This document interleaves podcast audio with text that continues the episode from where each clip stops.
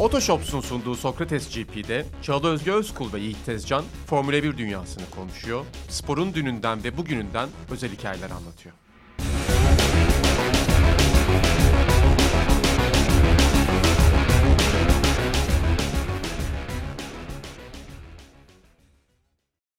Sevgili Sokrates Podcast dinleyicileri, yeniden merhaba. Otoshops'la beraber yola çıktığımız Sokrates GP'nin ikinci bölümüyle karşınızdayız. Sevgili Yiğit Tezcan'la birlikte sezonun ikinci yarışını konuşacağız aslında bugün.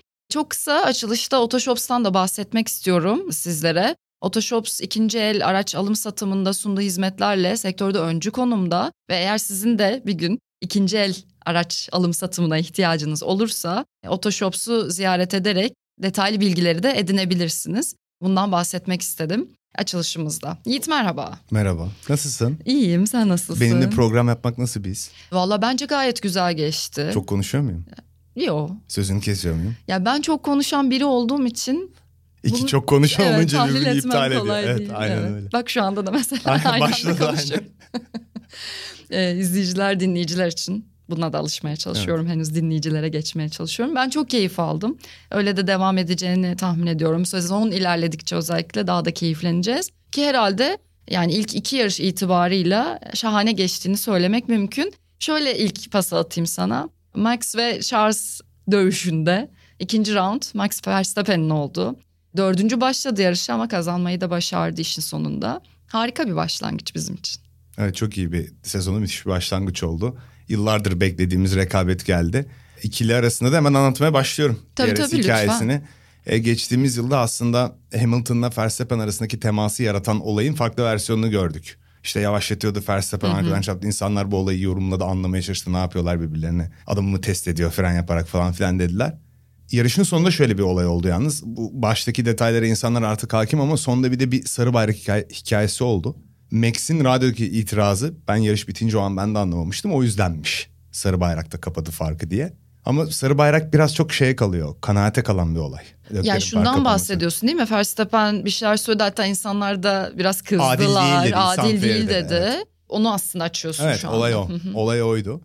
Müthiş taktik bir yarış oldu ikisi arasında. Ben DRS'e hep karşı olan bir insan olarak ısınmaya başladım. Bazı insanların tabii hoşuna gitmedi. Çünkü arkadan gelen hızlı otomobil frende öndeki otomobili geçmek yerine bir sonraki DRS bölgesine odaklanıyor ve bekliyor. Belki iki DRS'in üst üste gelmesi biraz saçmalık yaratıyor bu pist özelinde. Biraz sıkıntı yaratıyor. Onu baştan düşünebilirler diyorum ama süper bir yarıştı yani. ikili arasındaki rekabeti söyleyecek hiçbir şey yok yani. Bence zaten birazdan DRS savaşları başlığı altında biraz daha orayı detaylandırıp belki teknik olarak da açıklamaya çalışırız özellikle senin anlatımınla beraber.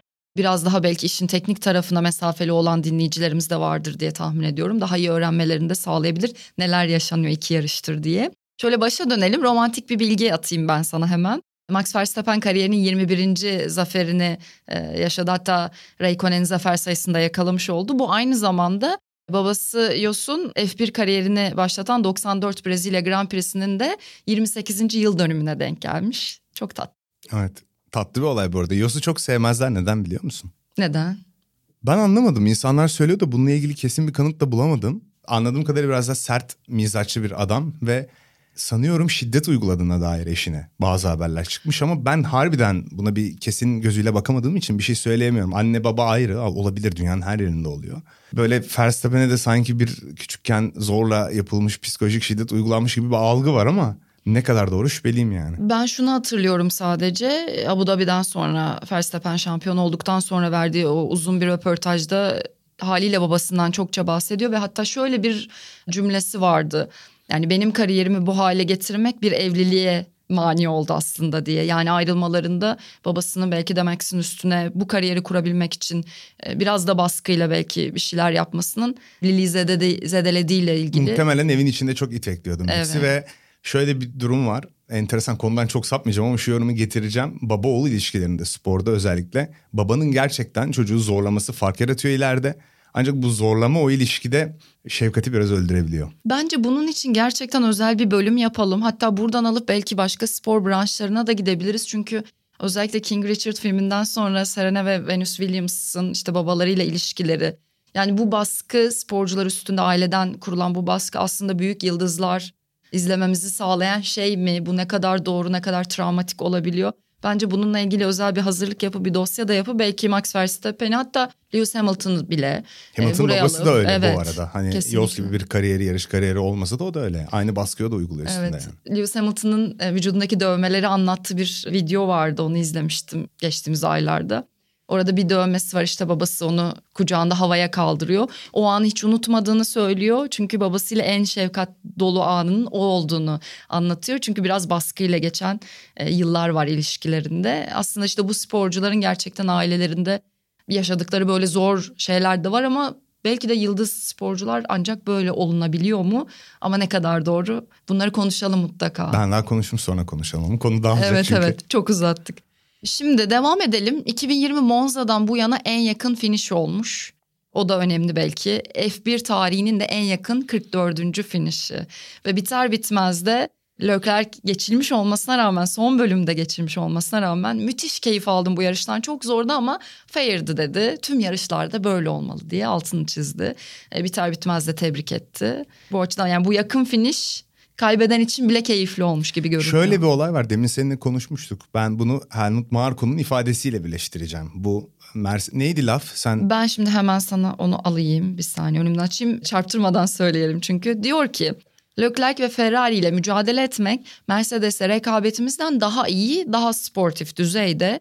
Sadece iki yarış geride kaldı ama bu ilişkinin Mercedes'te olduğu kadar kötüleşeceğini düşünmüyorum. E, bu laf her şeyi anlatıyor zaten. Yani niyeyse yorum yapmıyorum. Burada objektif bir şekilde konuyu açıyorum sadece. Mercedes'le olan savaş daha negatif, kötü bir savaş. Aslında bunun açıklaması çok basit. Çünkü sporu domine eden, sürklese eden bir marka var. O takımın yine sporu domine eden, sürklese eden bir patronu var. Toto Wolff. Bir de sporu aynı muameleyi uygulayan bir pilotu var. O tepedekini indirme bir güç mücadelesi aslında Formula 1 içinde. Politik kavgaları da gördük. Yani underdog olanlar güce kavuştular ve birbirleriyle E, rekabet travmatize edecekti edilmiş gibi olsa. ifadeler kullanıyorlar. Çok enteresan buluyorum bunu. Hayır sezon sonunda ben göreceğim onları. Böyle bir kıran kırana son yarışa gelsinler hep birlikte izleyelim. Çok iddialı. Neler Helmut olacak? Marko çok iddialı konuşuyor yani. Çok işin başındayız değil mi mücadeleyi böyle değerlendirmek Sezon başında adına. güzel yani 20 tane daha yarış var 19 tane daha yarış var. Şimdi söylemesi kolay.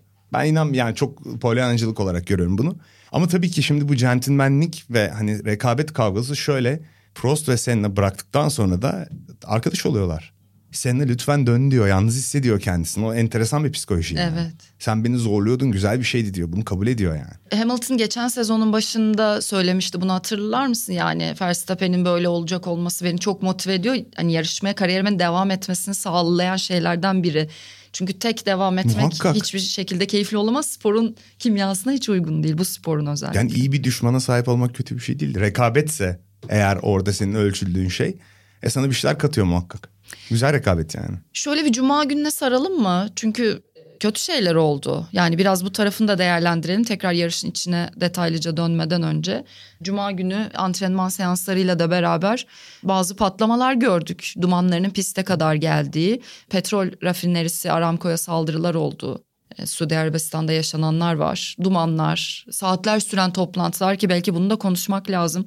Neredeyse sabahın ilk ışıklarına kadar pilotların kendi arasındaki o toplantı da çok uzun sürdü. Önce takım patronları e, yaptı toplantıyı sonra pilotlar kendi arasında konuştu. Hatta burada işte Alonso, Hamilton gibi bazı pilotların biraz liderlikte yarışılmasın dediği de konuşuldu. Yani neler oldu bu ne kadar doğru? Domenicali'nin sonra açıklamaları var. Bu tip organizasyonların böyle ülkeleri modernize etmek için çok değerli olduğu yönündeki çok e, garip buldum. Ya bu dört dakikalık falan bir röportajını izledim. Ben de samimi bulmadım bu söylediğini yani. Yani Samimiyetle alakası evet. yok. Yapılmalı mıydı, yapılmamalı mıydı? Buradan başlayalım. Biraz kendimizce sonuçta bir podcast içinde sohbet ediyoruz. Kendi düşüncelerimizi Formula 1'in anlatabiliriz. düzenli olarak verdiği mesaj ve üstlendiği sosyal sorumluluk projeleri ve dünyaya verdiği mesaj kapsamında yapılmamalıydı. Çünkü bu onları iki yüzü gösteriyor. Benim özet fikrim bu. Bence yapılmamalıydı. Sen ne diyorsun? Artı bir diyorum. Ben de seninle aynı fikirdeyim. Çünkü madem bunu üstlendiler çünkü Formula 1'deki Eccleston sonrası en büyük değişim o. Herkese açığız. İşte Lewis Hamilton'ın siyah olması bundan bahsetmesi. işte Suudi Arabistan'da Vettel'in karting yapması, Aha. kadınlarla özgürleştirmeye çalışması gibi eylemleri yapan bir e, spor ve içindeki insanlar böyle bir yaşı yapmamalıydı bence. Ben bu görüşümden vazgeçmiyorum çok netim yani. Ben de aynı şeyi düşünüyorum. İdeal dünyanın böyle olması gerektiğini. Ama işte işin içine de bunca para giriyor. Zaten bu yarışların buraya gitmesinin de bunda en büyük etken Ya tabii olduğunu ki söyleyebiliriz. empatimiz sonsuza kadar uzanmıyor. Biz o yarış bittikten sonra Suudilerle Husiler arasındaki olayı düşünmüyoruz gün içinde. Tabii ki böyle bir empatiyle bakarak demiyorum. Ah yazık şey yapalım böyle yaşanmaz çünkü. Ama o an o olay orada oluyor ve senin orada olman yanlış.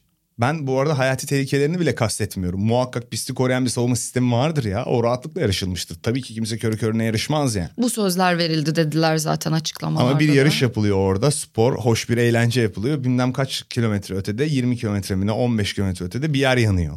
Evet. O kadar bile yok. Drone saldırısıymış işte olduğu için. İnanılmaz yani. Ülkelerin kendi konjonktürüyle değerlendirilmesi gerekiyor. Yaşadığı dertler üzerine empati kurmaya çalışırken. Genellikle yaptığımız hatalar da hep buradan Toto Wolff öyle bir şey oluşuyor dedi. ama- Buralar böyle zaten gibi bir E şey işte dedi. çok- Çok, çok talihsiz bir açıklama Aslında tam tersini söylemeye çalışıyorum bir yandan da. Yani buralar böyle değil. Neden öyle? Ne oluyor? Sen oraya giderken neleri hesap ettin? Gitmek konusunda eğer modernize etmek cümlesinin dışına çıkmak gerektiğini düşünüyorum.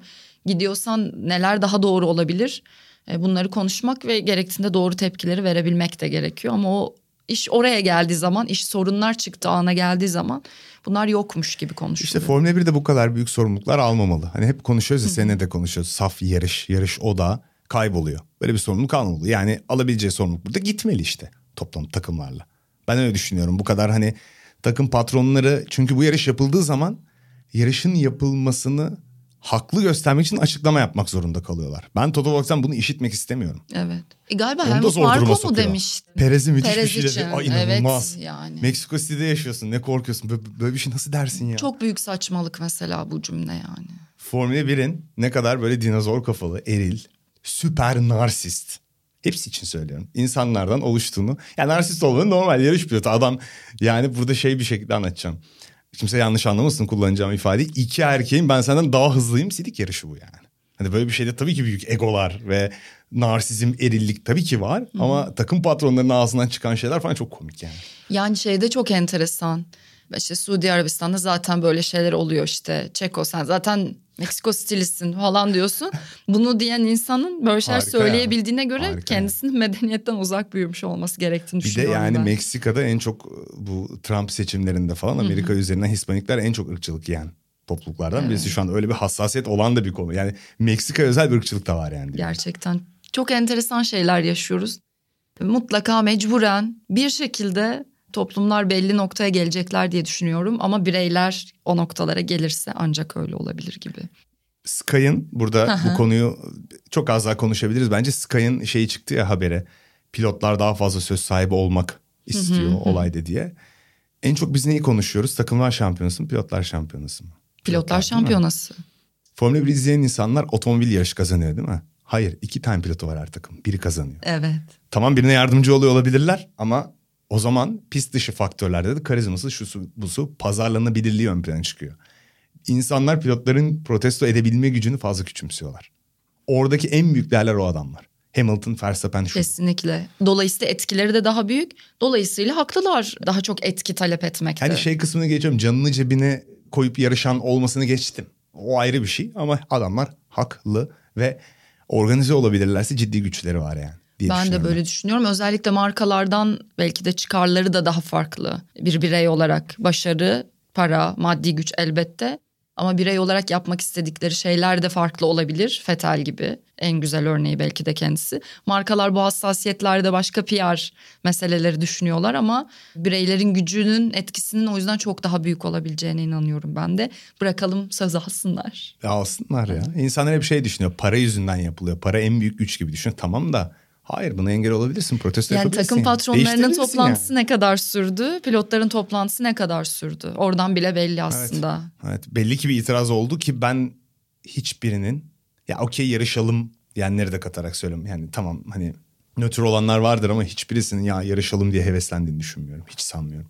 Katılıyorum ben de. Mümkün değil. İçeri dönelim piste. Biraz pistte de ilgili konuşalım. Orada da problemlerle karşı karşıya kaldık. Evet. Cuma günü zaten sevgili Cem Bölükbaşı'nın kazası oldu. Ona da geçmiş olsun dileklerimizi bir kez daha iletelim. Yarışamadı da kendisi Geçmiş geçirdiği olsun. travma sebebiyle. Geçmiş olsun diyelim. Cumartesi de Mick Schumacher'in yine 11. virajda kazası var. Onun adına da çok korktuk. Gerçekten kötü bir kazaydı izlerken de. Ben hatta Marmaray'da izliyordum. Ee, yanımda da tabii ki tanımadığım insanlar oturuyor telefonda önümde. Çığlık attın. Kazanın da evet bayağı sıçradım falan. İnsanlar bana ne oluyor falan diye baktılar. Ben de işte Schumacher kaza Deliye bak falan diye söyledim. Muhtemelen öyle oldu. Bir de Schumacher kaza yaptı diye açıkladı mı tanımadığın insanları? Evet çünkü yani öyle garip bir tepki verdim ki metroda Bunu daha da oluyor diye. garipsemişlerdir. Çünkü kendi başına bağıran kadın bir de bizle niye konuşuyor demişler. Bir de bana muhtemel Ha, saniye olarak da geç yani. geliyor o biraz görüntü. vagonun ucunda olmak isterdim cidden ilginç bir olaymış. Gerçekten ilginçti. Sevgili Oltan İzmirli, Williams tasarım mühendisi kendisini de ilgiyle ve gururla takip ediyoruz. Ee, onun bazı tweetlerinden referans vermek istiyorum sana. Belki oradan da yorumlarını alabilirsin konuyla ilgili. Diyor ki 2022 kurallarıyla araçlar geçmiş yıllara göre daha ağır. İki ana sebebi büyük lastikler ve güvenlik dolayısıyla ağırlaşan şasi. Şasi için FIA, Antoine Hubert ve Grosjean'ın kazalarından sonra bir dizi araştırma yaptı ve güvenlik standartlarını arttırmak için şasinin test edildiği mevcut yükleri arttırdı ve yeni testler getirdi. Schumacher'in kazasından sonra resmi yayına düşen notta yazdığı gibi 2022 şasileri bir kaza anında yaklaşık olarak %15 daha fazla enerji absorbe edebiliyor. Evet arabalar ağırlaştı ama yeni kurallar getirilmese belki bugünkü kazanın sonucu daha da kötü olabilirdi. Oltan İzmir'in açıklaması bu yönde. Hatta altında biri de yani no name bir insan pek sanmam diye bir tweet atmıştı. Bu da benim ilgimi çekti. Yeni dünyayı çok iyi özetleyen bir tweetti o da gerçekten. Ne düşünüyorsun? Biraz belki bilgilendirebiliriz bizi dinleyenleri. Şimdi ağırlık tartışması bu takımların otomobil tasarlarken de sıkıntı yaşadığı bir şey. Red Bull'un daha ağır olduğu söyleniyor. Oraya geliriz. Ferrari'nin de Red Bull'un da önünde sezon boyunca geliştirmeyle ilgili iki tane engel var. Ferrari şeyle bu dalgalanmayla uğraşacak. Bu da ağırlık indirmeye çalışacak gibi. Şimdi Suudi Arabistan Cidde'deki pistteki problem şu. Lastik bariyere veya şey vurmuyorlar. Armco bariyerine vurmuyorlar. Duvara çarpıyorlar. Orası hani bir şey alanı var yumuşatan bir şey var. İnsanların anlamadığı şey bu. Pist çok hızlı. Düzlükleri hızlı olması değil problem. Düzlük frenaj sonunda kaçılacak alan olması okey. Ama zaten o yön değiştirmeli S virajlardan da var ve bu virajlar hızlı ve burada daha bıçak sırtı daha az downforce otomobillerle yarışıyor. İşte Hamilton'ın yaşadığı denge problemlerini düşün. Yani davetiye çıkarıyor. E gidelim o zaman Nordschleife'de yarış yapalım yani. Bu Rush filmini izledin. Leoda'nın hani yanında pist burada spor otomobil yarışları falan yapılıyor. Çok da güzel bir pist. Gidelim orada yapalım o zaman. Ya inanılmaz buluyorum ben bunu ya. Adamlar risk almak zorunda ya. Ben de seviyorum risk alınmasını. En sevdiğim dönem 70'ler. İşte 60'lar 70'ler 70'lerde inanılmaz ölüm var Formula 1'de. Otomobillerin de hani ya çok harbiden karışık dönemler yani etik olarak hiç girmeyeceğim nasıl olduğuna yani ihmaller sonucu da ölümler falan filan var ama yani şu anki standartlarda günümüz standartlarında Formula 1'de ölüm olması kabul edilebilir bir şey değil. Az rastladığımız bir şey. Evet yani. ve bu güvenlik için bu kadar yatırım yapılan bir dönem var özellikle bu bilinçle de beraber. O yüzden yani en hızlı pist titrine sahip olmak elbette güzel görünebilir ama bu tip Ya çok zevkli. kısmı O da çok izlemek kötü. müthiş. Yani Perez'in falan turunu izliyorum ben. Çıldırmışlar yani. Süper müthiş. Ama mesela ya bari kerbi indir. O Cem'in de Mick'in de kaza yaptığı virajdaki çok yüksek o kerb mesela. Çok Evet sonra kazadan kazalar- sonra seninle konuşurken İndir bunu söyledin yani. ama. İlk kazadan sonra indir. Pilotlar da düzenleme istemiş. İndir o kadar yüksek kerb koyma. Hani Evet pilotlar bu arada yarış yani yarış hafta sonu tamamlandıktan sonra FIA ile de bir toplantı yapıp hani bunu çözmek istediklerini bu pistle ilgili sorunları anlatmak onu şey istediklerini yapıyor. söylüyorlar. Virajın yapısı bozulmasın, lastiği dışına atamasın. Altı sürtüyor otomobilin kerb yüksek olunca. O yüzden yapıyor anlıyorum da.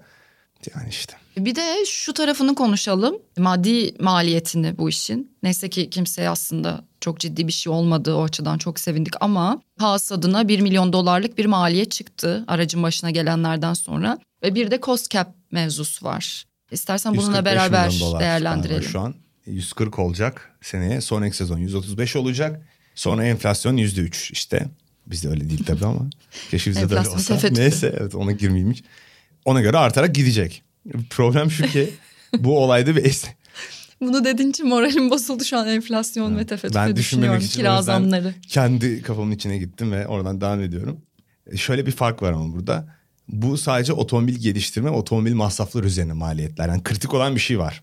Hamilton'ın, Russell'ın, işte baş tasarımcının kimse üç tane executive gibi bir şey gördüm. Ben atıyorum Adrian Newey'in maaşı bu cap içinde ödenmiyor. Meritokrasi diyor şey Ross Brown. Yani diyor ki en iyi takımlar hala en iyi adamları alabilir. En güçlü, en çok parası olan takımlar. Formüle bir tarzı bir adalet bu. NBA gibi bir adalet değil yani öyle düşünmesinler. Bence mantıklı. Bir ölçüde Ross Brown'la hem fikrim düşünüyorum ben bu olayda. Ama bu maliyetler otomobil geliştirmeyi etkiliyor. Çünkü şeyleri de ödemiyorlar bu arada. Elektrik faturası, su bu gideri de fabrikalarda mesela şeyin dışında. Yani o kadar yine Formula 1 ile ilgili bir kural var ve inanılmaz tartışmalı. Kimse şeffaf bir şekilde COSGAP'i neyin oluşturdun ben görmedim en azından. İzleyici anlamıyor var bir cap ama Verstappen gidiyor 50 milyon dolarlık anlaşma imzalıyor yıllık falan filan gibi bir karışıklık var. Bu kaza hikayeleri şey çok etkileyecek. Otomobil geliştirmeye çok geçen sene de çok konuşuldu bu. Ferrari şimdiden aslında itirazını yapmış olayla ilgili yani. Hmm. Yani uyarısını yapmış diyelim yani. Neler olacak bakalım. Haas adına da sıkıntılı yani. Ferrari'nin tarihsel olarak otomobil gelişiminde geri kalma ve hı hı. yıllardır sadece bugün değil yani 20 yıl önce de çok olan bütçesini iyi kullanamadığı dönemler oluyor. Belki o açıdan bir şey demişlerdir yani diye düşünüyorum. E, bu arada 6 araç yarış dışı kaldı yarışta devam ederken. Yani 13 araç tamamlayabildi. Sunoda zaten Yuki yarış başlamadan önce maalesef yaşadığı problem sebebiyle garaja döndü ve hiç yarışa çıkamadı. Latifi bu hafta sonu iki kazayla tamamlamış oldu bir yarışta. Albon ilk virajda Stroll'e çarptı ve veda etti. Alonso, Ricardo ve Bottas biraz da mekanik problemler diyebileceğimiz sebeplerle yarışı tamamlayamamış Pek oldu. Pek görmediğimiz bir şeydi Formula 1'de. Ben de şaşırdım açıkçası. E, biraz böyle yarış kronolojisini akıtırken orada ondan da belki bahsederiz. Her motordan da bir tane kaybettik. evet. Yani hani, bu sefer öyle oldu. Evet Honda en çok dayanıklılık konusunda problemli görünüyor. Mercedes de güç konusunda ama çok çok enteresandı yani. Evet. Quali'ye dönelim mi? Dönelim. Önce Quali kronolojisiyle devam ederek Hamilton'ın Q1'de veda etmesi şokuyla başlayalım istersen. Neden böyle oldu? İşte pistin yapısı. Uzun düzlükler, hızlı virajlar ve bütün takımların farklı tercihlerle geldiğini gördük. Mercedes arka kanadın üstünü kesmiş mesela. Ferrari daha fazla downforce üreten bir arka kanatta gelmiş. Ve işte otomobilde o kadar fazla değişken var ki. Siz aero üretiyorsunuz, mekanik tutuş için işte süspansiyon ayarlıyorsunuz vesaire vesaire derken bu pistlerde çok fazla al ver yapıyorsun setupta ve orta noktayı, ideal noktayı bulman lazım. O yüzden ben o tarz bir aksilik yaşadığını düşünüyorum Hamilton'ın. Bir anda atıyorum seanstan sonra çok küçük bir şey değiştirmişlerdi daha iyi olur diye ve otomobil böyle sürülemez kötü karakterde bir şey dönüşmüş. Yanlış yönde ayar yaptık dedi. dedi zaten evet. O da öyle dedi zaten sonunda. Yanlış yöne gitmişler yani bir noktada kaçıncı antrenmandan sonra o yöne gidildi bilmiyorum. Otomobil sürülemez dedi ve arkası çok huzursuzdu dedi zaten kendisi de. Evet çok Tahmin ettiğimiz gibi oldu yani evet. aslında ilk anda. Ve Checo Perez 215 yarış sonra kariyerin ilk polünü aldı. Yarış ve pol kazanmış pilotlar arasında ilk cep için en çok beklemiş pilot olarak yani, e, sonunda buna ulaştı. Evet, sıralama atamamasıyla meşhurdur ama dikkatli izleyiciler fark etti. Geçen sezonun sonundan beri sadece yeni otomobiller değil Verstappen'le olan fark o hani bir e, Q1'de elenmesi, Q2'de elenmesi gibi durumlar olmuştu ya Perez'in. Evet. Onlar biraz daha geride kaldı. 0-3-0-4 arasına Verstappen'le ideal şartlarda geriletmiş gibi farkı. Sıralamada bir denge problemi yaşayan ilk başta ilk turunda yine Verstappen oldu bu arada. İlk turunu çok kötü attı yani. 0-6-0-8 yavaştı. Sonraki turu birazcık daha iyiydi. Çeko biraz daha yakın olağanüstü performans onun açısından. E, bin tur atsam bu turu geçemezdik. Sıralamadan çok şey beklemiyorduk. Yarışa odaklanmıştık dedi üstelik. Çeko. Evet Çeko. Sainz da aktif pilotlar arasında en çok yarışa çıkan ama pol alamayan pilot. 142 e, yarışı var. Ve ilk polüne kariyerinin çok yakında aslında Sainz. Önce Leclerc konu geçti ardından da Checo Perez Sainz de şeyden hiç verim alamadı. Yeni lastiklerden hiç verim alamadı. Enteresan yani yıllardır Formula 1'de softlar belki bir tur dayanmıyor. Hani turun başında e, zorlamıyorsun. Atıyorum ikinci sektörden itibaren zorlamaya başlıyorsun falan filan kadar. Hani o zirve performansıyla ilgili böyle bir net çizgi var. Birçok pilot bu zorluğu yaşadı ama yeni lastiklerle ilgili. Evet. O da yavaş yavaş bence işte dedim ya Pirelli de tam olarak lastik çok zor bir şey ama ya onu konuştuk. Çok yok ölçüm yapılamayan bir şey yani yıllardır. Çok enteresan. E, yarışa doğru da akayım. Sainz'ın aracı yarış başlamadan önce bayağı bir panik yarattı. E, uzun süre garajdan da F1 TV'de görüntüler de geldi. Herkes Senden aracın başına... aldık. Aldınız mı? Aracın Benim haberim yoktu toplandı. senden geldi bana Evet da. evet onu yazdım bizim F1 grubuna da. Orada da konuştuk. E, bir panik yarattı ama sonra elektrik sorunu nedeniyle galiba bir endişe olmuş ama toparladılar ve yarışa çıkmaya başardı. Yuki zaten söyledik hiç başlayamadı diye yakıt sistemi sorunuymuş e, galiba Bitmeyen onun da başına gelen. Evet. 18 araçla başladı aslında yarış. Start'a geleyim. Bahreyn'de Bottas'ın startını konuşmuştuk. Ee, burada da Guan Yu Zhu'dan bahsedebiliriz. Yine benzer bir problem var Alfa Romeo'da. Yani bu kadar hızlı bir otomobil yapıp böyle bir şeyle karşılaşmaları çok kötü tabii. Neden çözemediklerini bilmiyorum. Basit geliyor değil mi kulağa? Debriyaj yani. Hala mekanik bir şey. Debriyaj niye titriyor? Ya inan bana ne kaçırıyorlardır bilemeyeceğim. Bil, bilmiyorum ya onlar da bilmiyor herhalde ama böyle bir sorun olması çok ilginç geliyor bana yani. Ve işler bu kadar iyi gidebilecekken startta bunların olması E, çok iyi üzücü bir- evet. ve hafta sonu boyunca Bottas'a yakındı. O çocuk bu arada gerçekten bu sezonun sürpriz ismi olabilir. Yani sürpriz derken Bottas'a kafa tutar gibi değil de hiç beklemiyorduk. Geçen hafta da konuştuk ya Evet. bu hafta da iyi bir performans çıkarabilirdi. Kötü gitti işler onun açısından. Kötü başladı hatta. Ama Alfa çok güçlü. Yarış içindeki temposu da birazdan oraya geliriz. Bottas da yarışın başına yarış ışık alana kadar Alonso ve Ocon'un arkasına vakit kaybetti zaten. Heh, evet tam da oraya gelelim hatta. Kaybetti bir lastiklerini korumaya çalıştı falan. Sonra tam istediği gibi gitmedi yarış yani. Gitmedi. Ocon Alonso ile başlayıp aralarına Bottas'ı dahil ederek o süreci de değerlendirelim. Ocon'un Russell'a geçilmesinin ardından Alonso onu baskı altına almaya başladı ve sürekli yer değiştirdiler. Hatta Formula 1 izleyicileri Twitter'da bir an için yıkıldı ve herkes bu iki yani takımın iki pilotunun bu yarışından oldukça keyif aldı. Pit duvarı da e, uzunca bir süre buna müsaade etti. Ama artık bir yerden sonra garajda da böyle Alpin garajında kalp krizi anları gözlemlemeye başladık. Harikaydı. Harikaydı. Ama sonra Alonso öne geçtikten sonra da Ocon'a yerini koruması karar verildiği söylendi. Bu istendi. Ve o keyif tık diye bitti. Bitti. Yaklaşık 10 tur kadar çekiştiler. Bence o noktada Ocon'un lastikleri de bitmişti. Alonso durum daha iyi idare etti. Bir dışarıdan geçişinde bir içeri doğru onu kapatıp yer bırakma işi, onu adil bir ölçüde yer bırakış falan var. Daha büyük ustalık. Ocon bir yerde frenajı falan kaçırdı. Ee, geçtiğimiz yıl Macaristan'da hatırlıyorsan şimdi Alonso geri döndüğü için hani böyle nasıl yarışacak falan filan diye sorarken yakın yarışmada hala çok iyi. İnanılmaz iyi yani. Yer bırakmada, rakibine kendi otomobilini konumlandırmada falan aşırı iyi. İşte bu Ee, öğretemediğin şeylerden biri evet, herhalde bu. o yani. konuda- Deneyimle geliyor ama öğretemiyorsun. E, seni destekleyecek bir şeyler söylemiş. Alonso yıllanmış şarap gibi 2007'de Lewis'la mücadele ettiği günlerdeki hızından hiçbir şey eksilmemiş diyor. Bir de E, de tecrübeli takım öyleydi. arkadaşı için. O çok enteresan, o doğal gelmiş bir şey. Yakın yarışmada hep iyiydi Alonso. Çok enteresan.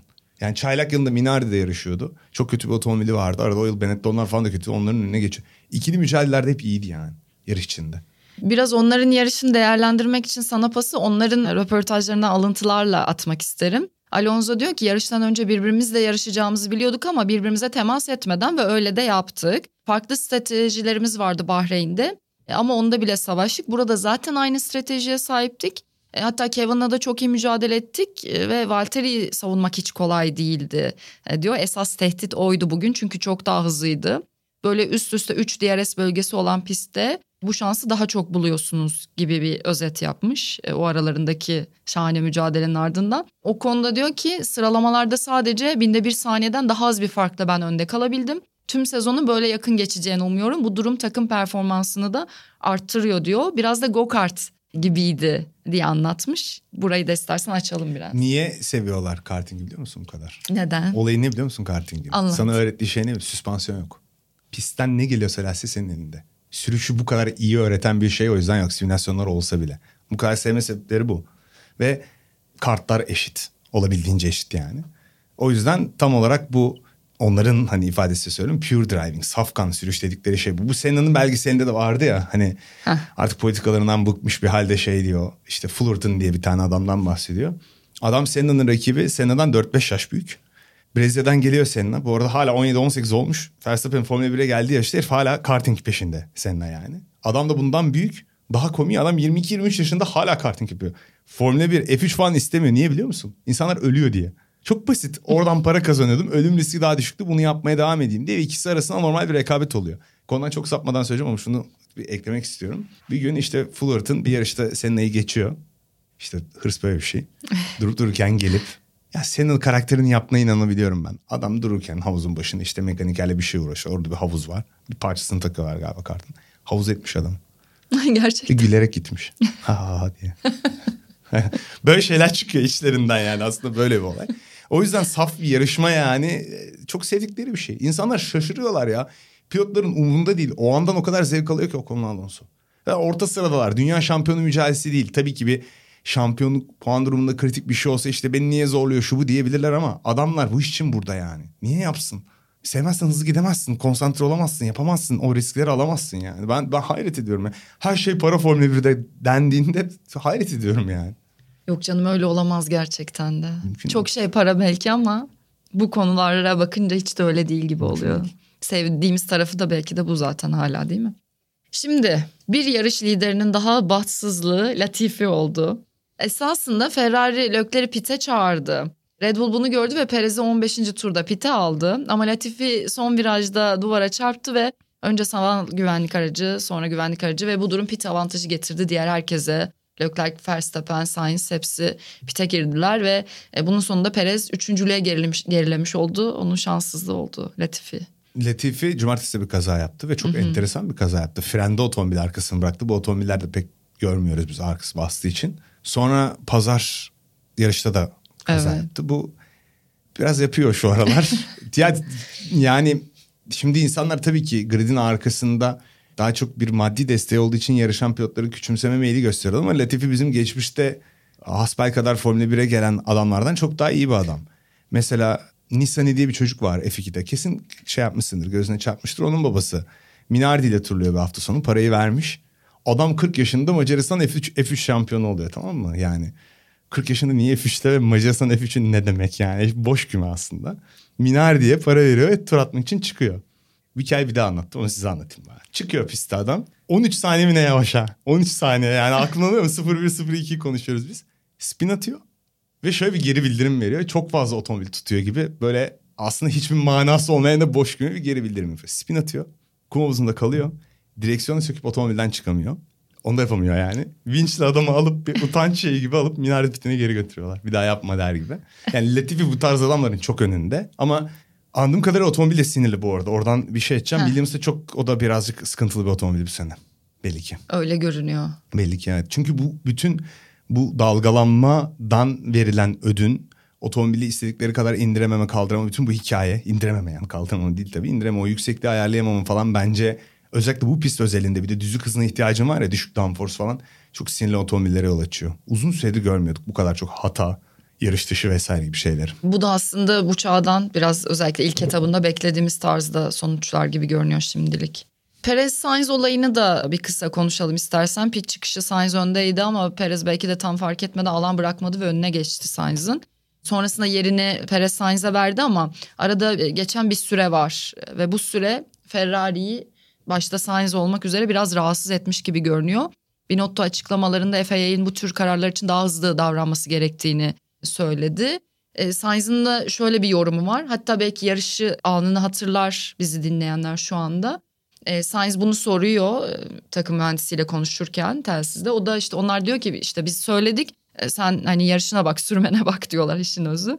O da diyor ki hayır yani olmaz bu kararın verilmesi lazım diyor. Çünkü sürüşünü etkiliyor belki de. Sonra yarıştan sonra şöyle anlatmış bunu. Eğer mesela işte Russell beni geçseydi ve Perez'in e, yerini geri vermesini isteseydik hem Russell hem ben mi Perez'i geçecektik o zaman bu biraz Perez'e haksızlık olmaz mıydı? Ya da Russell beni geçtiği için artık Perez de aramızda o olduğu için yerini vermesi kararı çıkmasaydı bu bana haksızlık olmaz mıydı? Dolayısıyla bu kararların biraz daha hızlı verilmesi gerekiyor ki bu tür düzenlemelerle beraber FIA de biraz şunu anlamalı. Sürücüler daha clear bir mindla sürüşünü yapabilmesi gerekiyor. Yani aklı orada kalmaması lazım ve ana odaklanması lazım diye. Böyle bir girişim olmuş. Red Bull da aslında işte yarış direktörüyle konuştuklarını ve zaten böyle bir şey beklediklerini de söylemiş sonrasında. Hepsini anlattın ben. Çok konuştum değil mi? hayır hayır bütün olayı anlattın. Haklı. Hani güvenlik otomobilin arkasında değişecekler. Evet olay. diyorsun değil mi sen? Haklı çünkü yani görüntüden Perez de tabii kötü bir niyetle yapmadı onu o an onu düşünmüyor. Ben zaten Çizgi olduğunda sana mesaj atıp sordum. Tam olarak böyle şeyleri hala anlamakta zorlanıyorum kurallarla da beraber. O yüzden danışmak istiyorum etme. izlerken anlık şekilde. E, sen de e, biraz önde gibi dedin zaten Sainz. Sonra tekrarlarını da gördük bir şekilde. Yani benim anladığım aslında Sainz'ın açıklaması o kadar doğru geldi ki bana bir Tamamen sürücü doğru, olarak. Evet, tamamen doğru. Sen açıkladın. Ben bir şey sorayım bari açıkladın. Yok sen devam et. hızlanması gerekiyor gibi. Bu da bu arada Eduardo Freitas ilk kez onlar dönüşümünü yönetecekler ya sezon boyunca yarış direktörü görev, görevini. O da ilk kez e, buradaydı. Hı E, beraber. İlk kez şeye gitti zaten. O Latifi'nin kazasından sonraydı galiba değil mi? Temizlemeye gitti. Galiba Kazadan sonra evet gitti. evet hatta evet bunu Bizzat da konuştuk. Çok hoş bir hareket Evet bence de. Pitlerle ilgili söylemek istediğin bir şey var mı? 18 pit yapıldı. Hatta işte yani yine enteresandır. En hızlı pitler McLaren'lardan geldi bu defa. Tek Ricardo ve Norris. sanıyorum. Hı hı. E, Bahreyn'de de en hızlı pitler McLaren'daydı. Burada da öyle oldu. Keşke otomobilleri de hızlı olsaydı diyerek. Ya bu hafta sonu biraz daha iyilerdi bu arada. 18 pitin 7'si 3 saniye altındaymış şu anda. Ee, Red Bull'lar da en hızlarda ilk beşteler. Ferrari'ler var. Mercedes'in 3 saniye altı piti yok henüz bu sezon. Mercedes'in mi yok? Evet. Çok enteresan değil mi? Bu bilgiyi Her şey de bir yerden aldım ama Çok- çok, çok özür ilginç. diliyorum şu anda aldığım yeri hatırlamıyorum. Belki isim söylemem daha doğru olurdu. Bu- Buna şaşırdım bu arada. Gerçekten şaşırdım yani. İşte McLaren ekipmanı yeniliyor. Hani ve e, kötü de bir otomobilleri var. Mercedes'e şaşırmakla birlikte dediğim gibi bir bulgu yok elimde. Niye böyle yapamıyorlar pitleri falan filan. Enteresan iki takımdan bahsedince söyleyeyim. Sıralamalarda yakınlardı. Yarış temposu içinde Mercedes daha iyi. Belli ki tek turda lastik çalıştırmakta da sıkıntı çekiyor otomobil. Yarış temposu içinde daha bir kendine geliyor yakıt yüküyle birlikte. Boş depoyla daha kötü. Bahreyn'de de benzerdi. Yarışta iyilerdi yani. Yani Red Bull'a Ferrari'ye göre kötüler de. Bu da aklıma bir Mercedes motoru hikayesini getiriyor aslında. Hep geride ya Mercedes motorlu takımlar. Ben hala biraz şüpheyle yaklaşıyorum buna. Çünkü dayanıklılık sorunları bir yana. Geçen hafta ben bir referans vermiştim ya. O bir Honda yani Red Bull motoru kullanan bir takımdan birisiydi yani. O Evet. kaynağım. E, Mercedes için de şunu söyleyeceğim en problemli Kaynağı yavaş yavaş merkezine ulaşacak mıyız? Her bölüm biraz daha bilgi. Sana söylerim canım sonradan. Kimseye söylemeyeceksen söylerim. Söz veriyorum söylemeyeceğim. Tamam söylerim o zaman. Bu takımların çok şahsına münasır problemleri var. Aston Martin mesela aşırı bir dalgalanma problemiyle ve şeyle uğraşıyor. Misal McLaren otomobilinde aero fakiri diyor. Yani Mercedes motoruyla ilgili bir de ölçüm noktalarından motor gücü anlayamıyorsun ki. Hani bana çok enteresan geliyor hala. Ya ben de zayıf olduğunu tahmin ediyorum. Bu kadar tesadüf olamaz. Bütün Mercedes'lerin ilk 10 dışında falan kalması sıralamalarda ama bu kadar basit bir şekilde açıklanamaz. Çünkü yani hepsi farklı kanatlar getiriyor. Otomobillerin yükseklikleri farklı. Bunları tek tek ölçüp ölçememeyi geçtim. Ölçebilsek anlayabiliyor musunuz şeklinde bazı serzenişlerim var. Ya ben Formula 1 izlediğim dönemde bu şüphecilik geldi bana. Yalan haber de çok fazla çıkıyor. Çünkü her şeyi ciddiye alıp konuşmak lazım. O yüzden bu konuda bütün problemlerin kaynağı nedir biraz daha beklemek lazım diye düşünüyorum. Pitten nereye geldim? Değil mi? Sencer ne diyorsun bu duruma? Aldı yürüdü. Aldı yürüdü. Konu kanıyor işte bu sporun güzelliği de bu. Hepsi birbirine bağlı çünkü gerçekten Aynen, olan cidden bitenin. öyle. Hamilton sertlerle 40 tur attı. Şimdi Hamilton'ın başına geleni de biraz konuşalım ama tabii ki esasen Alonso, Ricardo ve Bottas bir anda arka arkaya olanlarla Lanetli 38. tur. Gerçekten öyle oldu. 36, 37, 38'e doğru kayarak. Yani Hamilton da bu sırada pite girer dedik ama diğer herkes girdi. Avantajı hemen kullandı. Hamilton pite çağrıldığında pit girişini zaten kaçırmıştı. Sonrasında da pit yolu kapatıldı. Ricardo pit yoluna yakın bir yerdeydi. Sanal güvenlik aracı yüzünden. Evet. Neler oldu? Harika bir soru. Ben de tam olarak neler oluyor şeklinde bir tweet atmıştım o anda. Bottas bir tur önce pite girdi galiba. Bir lastik aldı. Ne oluyor yani? Niye lastik alıyor ki? Çünkü hardları biz gördük. 40 tur mu gittiler Magnussen? Ee, onlar 37, Magnussen'le Hülkenberg 37, Hamilton 40 tur atmış. Onların statüsünde Magnussen ve Hamilton statüsünde sonradan geç girecek bir güvenlik aracı kilit rol oynuyordu. Ama sanal güvenlik aracı olunca aksine ters tepti ve Evet ters tepti. yapamadılar. Çok geriye düştüler tırmanmaları gerekti gibi bir senaryo oluştu yani. DRS savaşlarını biraz açalım mı? Başta hafif bir giriş yapmıştık ama Leclerc diyor ki eğer DRS olmasaydı 2022 yarışları çok sıkıcı olurdu. Verstappen de DRS olmasaydı bugün asla geçemezdim, ikinci olurdum diyor. Neler oluyor? Bence bu otomobillerle daha yakından takip edebiliyorlar birbirlerini. Hani gözle ölçebiliyoruz bunu. Bahreyn'de de gördük. Burada da. Daha kran krana görünüyor yarış. Ee, DRS artık belki de hani DRS'le geçiş bedava geçiş gibi aslında bir düşüncemiz vardı hep. Ama şimdi o kadar stratejik oldu ki her şey. Verstappen Leclerc'i geçiyor ama uzaklaşamıyor. Leclerc geri geliyor gibi. Ve DRS'i idare etmek. Bununla birlikte bütün o hibrit sistemin topladığı o gücü hani kullanabiliyorsun ya ekstradan bir de o hızlı turları öyle atıyorlar. Tek bir hızlı tur atıyor mesela. O gücü kullanmak, ekstra gücü kullanmak falan filan. Çok fazla küçük zaten şey yönetiyorsun. Seninle geçen Formula 1 direksiyonları muhabbetinden bahsettim ya adam virajı girerken oradan diferansiyel ayarlıyor. Diferansiyel ayar yapıyor. Fren dengesi ayar yapıyor. Anormal yani. Hintli bir adamın meşhur bir sorusu vardı uzun alay ettiler. İşte 40 years ago evet. olan soruyu ve harbiden yani bilgisayar yönetip çok ayrı bir boyutta düşünüyorlar artık. İşte DRS vermiyorlar birbirlerine falan. Bir de yarış odağı var düşün. Bir de virajdan viraja nasıl yarışıyorlar? Virajdan viraja strateji kurarak yarışıyorsun bazen. Şurada geç fren yapmaya başladım biraz bırakıyorum. Öndeki böyle yapıyor. Şurada yaklaşabilirim. Beyin onu düşünüyor. sürüyor. İnanılmaz hızlı bir Hatta şekilde. Verstappen'in bir de aracına bir şey takılıyor. O vizörün neydi o vizör etiketlerini çıkarıyorlar ya adını unuttum şu anda. Önden o geliyor aracına takılıyor gördün mü videoyu? Yok. Aynı zamanda araçtan onu çıkarmaya çalışıyor o anlarda. Aa, onu görmedim Müthiş bir video. Belki dinleyenler bizi görmüştür. Ben de sana görmedim. izleteceğim birazdan. ben. Yani çok fazla şey düşünüyorlar. O manada Formula 1'in geldiği noktada böyle rekabetlere yol açması çok hoş. Ben karşıydım dediğim gibi. İnsanlar biraz şey bozuluyor bunda. Bu DRS'e ilgili şunu söyleyeyim. Başta çok az bahsettik. O bölgede alver gibi görünüyor ya başlıyorlar. O bazı insanların hoşuna gitmiyor. Anlayabiliyorum. Düzenlenebilir yani Cidde'deki DRS bölgeleri. Ha, biraz düzenlenebilir Yani en iki tane azından. düzlük üst üste geliyor uzun en iyi geçiş yeri ama birinden geçtin mi ilkinde çünkü ikinci DRS bölgesine gelirken bu sefer arkadaki açıp seni kesinlikle geçiyor pistin kalanında gibi durum var yani. Evet. Şöyle son bölümde tekrar bir Mercedes'ten de bahsedelim. Sorunları da devam ettiği için. Yarış biterken Bono Lewis Hamilton'a diyor ki işte evet tamam Lewis P10 üzgünüm bunun için diye. Lewis Hamilton'a diyor ki "E, bu pozisyon için bir puan var mı ki gibi böyle bir durumu yadırgadığını söyleyelim. Mercedes kariyerinde üçüncü kez 10. veya daha geride finish görüyor Lewis Hamilton. 2013'te İspanya'da 12. olmuş, 2021'de Bakü'de 15. olmuş. Çok kötü yarıştı, çok yavaşız. Yarışın sonlarına doğru Haas arkamda tutamadım diye anlatıyor bulunduğu pozisyonun ne kadar sıkıntılı olduğunu. E, Russell'ın uzun uzun röportajları var. Onları dinlemekte de fayda var bence bakılabilir. Aracın durumunu çok iyi anlatıyor. Diyor ki Mercedes'in şu anki problemlerinin %90'ı purposing o dalgalanma, yunuslama neyse işte onun Eldeki e, sebebinden oluyor. kullanamıyorlar. Evet. Yok biraz problemli otomobilleri. Hani yapısala doğru giden problemleri var yani. Yarışlar ilerledikçe biz bunu söyleyeceğiz. Yani Hamilton açısından da kimi yorum yapabilir miyim bir tane? Tabii. O- olur öyle şeyler. Yani. Otomobilin kötü kötü bir hafta sonu geçiyorsun 10. olursun. Bir puan alırsın. Harbi bir puan alıyor değil mi 10. Ben de bilmiyormuş gibi. Evine gidersin yani olur öyle şeyler. Her insanın başına gelebiliyor böyle şeyler. yani. Alışkın değiller. Bir de ne kadar hızlı çözülebilecek? Herhalde ana sorun bu gibi görünüyor şu anda. Russell da demiş işte. Yani bunu çözmemiz gerektiğini şu yüzden söylüyorum. Eğer e, bunu düzeltebilirsek problemlerin %90'ını 99'unu çözmüş olacağız. Aslında burada sorulan şeylerden birisi şu. Mercedes performans problemini çözemedim. Ben hani sezon ortasında ortak olabilirler. Yani yarış ortak olamasalar da yarış galibiyetlerine ortak olabilirler diye düşünüyoruz ya. Mercedes bu problemlerini çözemezse Lewis Hamilton ne yapacak?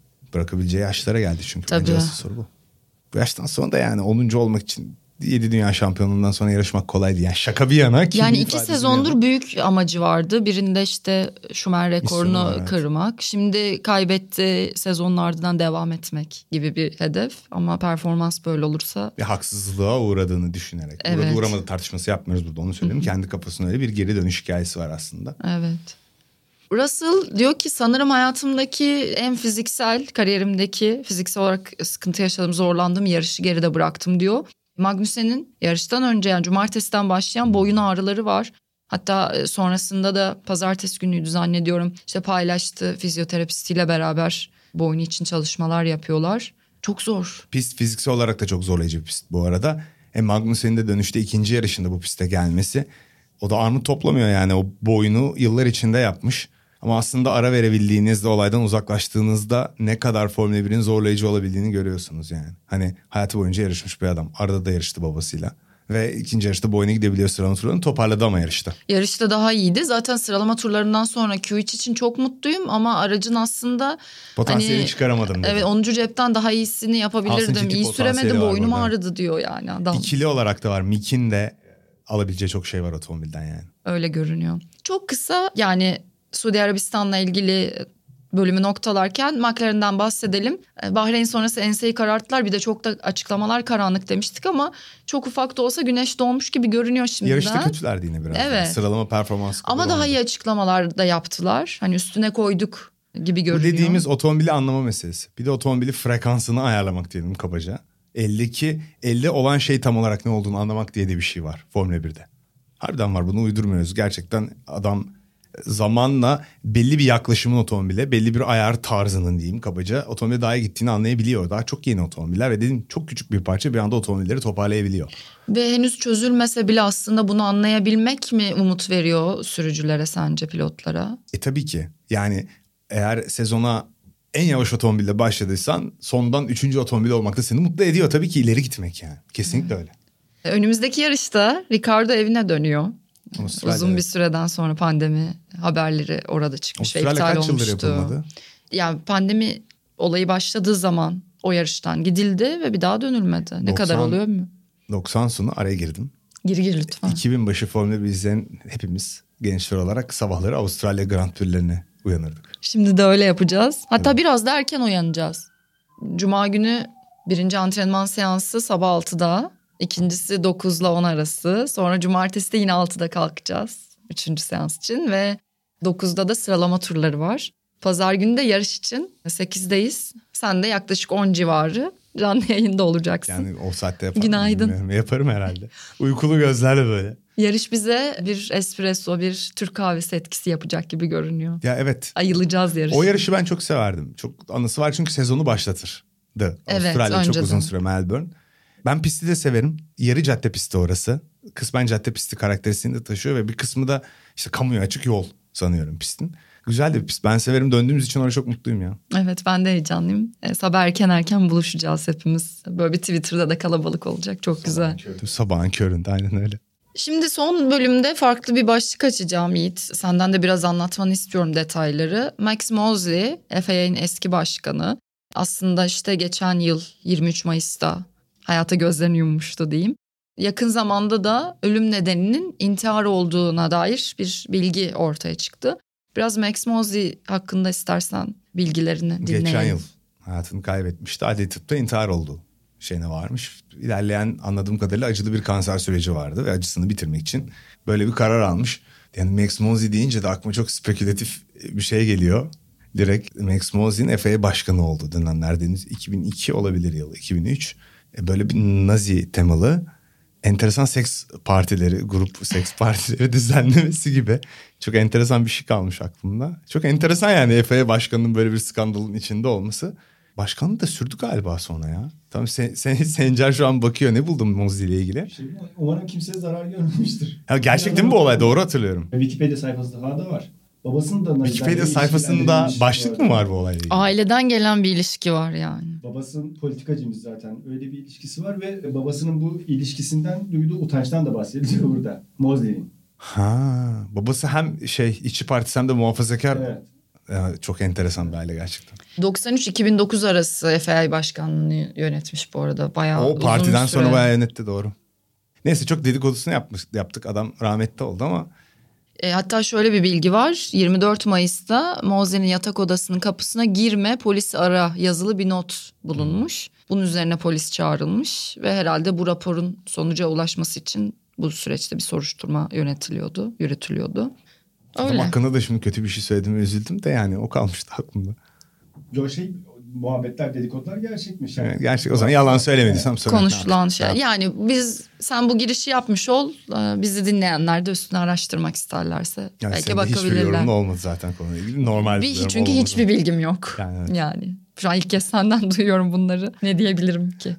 Yiğit çok teşekkür ederim. Ben teşekkür ederim. Bizi dinleyenlere de çok teşekkür ederiz. Evet, bu bölüm daha bir doğal gitti bence. Böyle olması daha hoş diye düşünüyorum ben. Evet, e, bizi dinleyenler de bize ulaşabilirler belki. Hani bahsetmemizi Evet, evet, istedikleri yazsınlar. konular varsa bir yerlerden, farklı mecralardan bize ulaşıp sorabilirler, söyleyebilirler. Geri dönüş yapabilirler herhangi bir konuyla ilgili.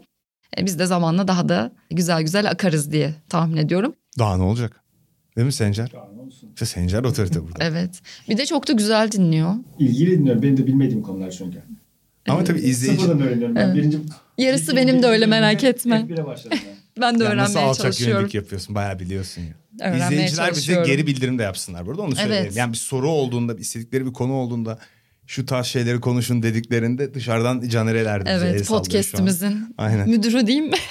Müdür. müdürü. Peki noktalayalım. Çok teşekkür ederiz. Suudi Arabistan'da noktaladık yarışı. Melbourne'den sonra da yeniden Otoshops'la beraber sunduğumuz Sokrates GP'de sizinle Sokrates Podcast'ta buluşmak dileğiyle diyelim. Hoşçakalın. Mutlu bir hafta olsun.